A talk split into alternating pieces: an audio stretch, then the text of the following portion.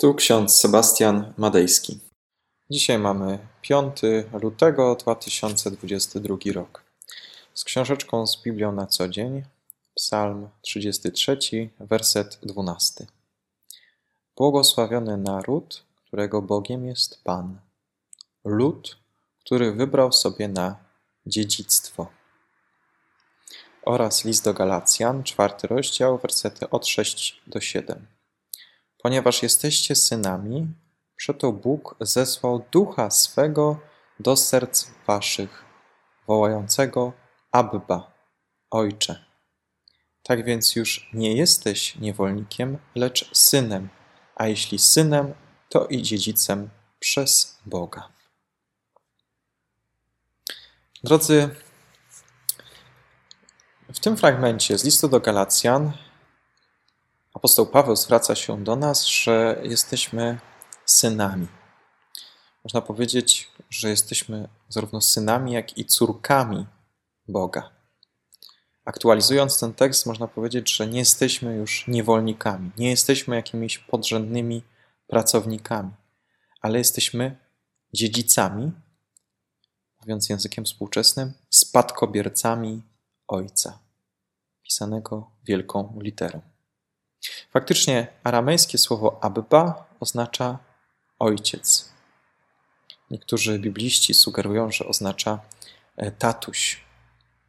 Te pieszczotliwe sformułowanie w stosunku e, do Boga może trochę razić, może niepokoić. Natomiast faktycznie Pan Jezus e, wzywa nas, abyśmy nazywali naszego Boga Ojcem, tatą, Abbą.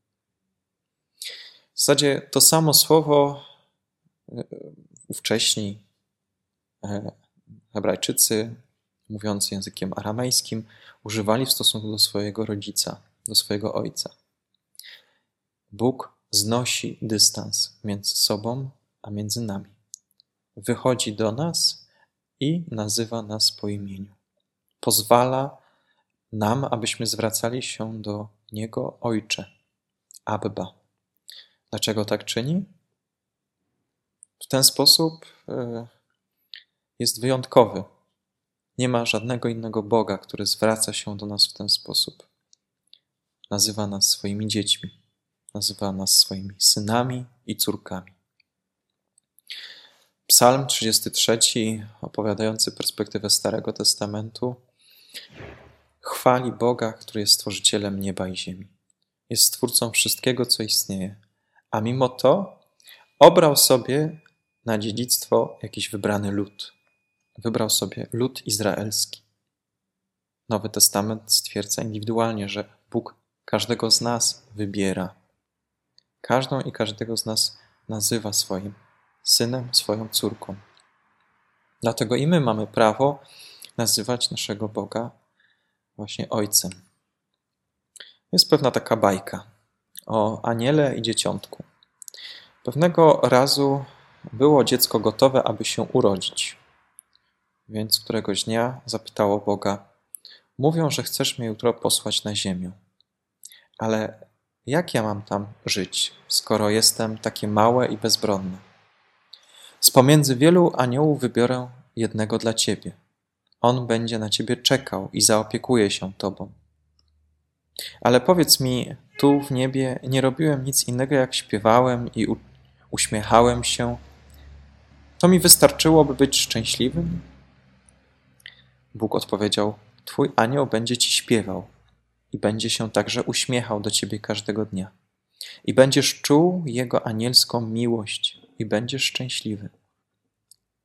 A jak będę rozumiał, kiedy ludzie będą do mnie mówić, jeśli nie znam języka, którym posługują się ludzie? Pyta dzieciątko. Bóg odpowiadał: Twój anioł powie ci więcej pięknych i słodkich słów, niż kiedykolwiek słyszałeś, i z wielką cierpliwością i troską będzie uczył cię mówić. A co będę miał zrobić, kiedy będę chciał porozmawiać z tobą? Zapytał, e, zapytało dziecko. Bóg odpowiedział: Twój anioł złoży twoje ręce i nauczy cię, jak się modlić. Słyszałem, że na ziemi są też źli ludzie. Kto mnie przed nimi ochroni? Bóg odpowiada: Twój anioł będzie cię chronić, nawet jeśli miałby ryzykować własnym życiem.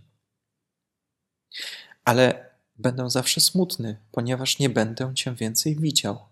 Ze smutkiem odpowiedziało dziecko. Twój anioł będzie wciąż mówił tobie o mnie i nauczy cię, jak do mnie wrócić. Chociaż jak ja, tak będę zawsze blisko ciebie.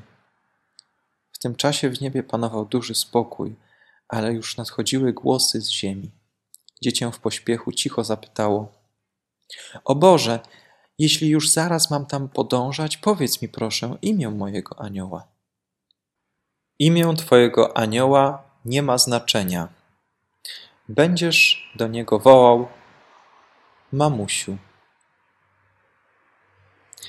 Ta historia, jakkolwiek trochę zabawna, pokazująca dziecko w niebie i Boga, rozmawiających o anioło, o aniele, e, ale tak naprawdę oni rozmawiają o matce, o mamusi, o kimś, o kim myślimy, kiedy mówimy słowo mamo, kiedy wzywamy tego imienia. Mowa jest o tym aniele stróżu, który gdzieś nad nami czuwa, gdzieś o nas pamięta, mimo że jesteśmy daleko od naszych rodziców, to jednak zarówno ojciec, jak i matka, tatuś, jak i mamusia, oni są z nami. Chcą nas wspierać, pamiętają o nas. Jeżeli są wierzący, modlą się o nas. Jeżeli nie wierzą w Boga, to jednak nadal czują miłość do nas. Ja nie mówię o takich sytuacjach patologicznych, kiedy rodzice faktycznie krzywdzą swoje dzieci. No po większości jednak rodzice troszczą się o swoich najmłodszych, o swoje potomstwo. Symbol ich, symbol rodziców, pokazuje nam w sposób choćby odrobinę, ale jednak niedoskonały, to, kim jest Bóg. Jest naszym Ojcem, jest doskonałym naszym rodzicem, tym, który o nas pamięta, który się o nas troszczy i dlatego pozwala nas nazywać, e, pozwala nam nazywać Go naszym Ojcem. Zastanówmy się nad tym dzisiaj. Amen. Pomódlmy się. Słowami pieśni 224. Niech z świadectwa Twego wiemy, że w nas dzieci swe ma Bóg. Gdy w uciskach się znajdziemy, niech ta wiara wyrwie z trwóg.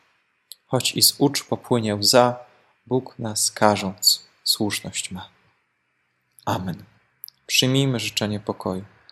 A pokój Boży, który przewyższa wszelki rozum, niechaj strzeże serc naszych i myśli naszych w Panu naszym, Jezusie Chrystusie, ku żywotowi wiecznemu. Amen. Więcej materiałów na www.trojca.waw.pl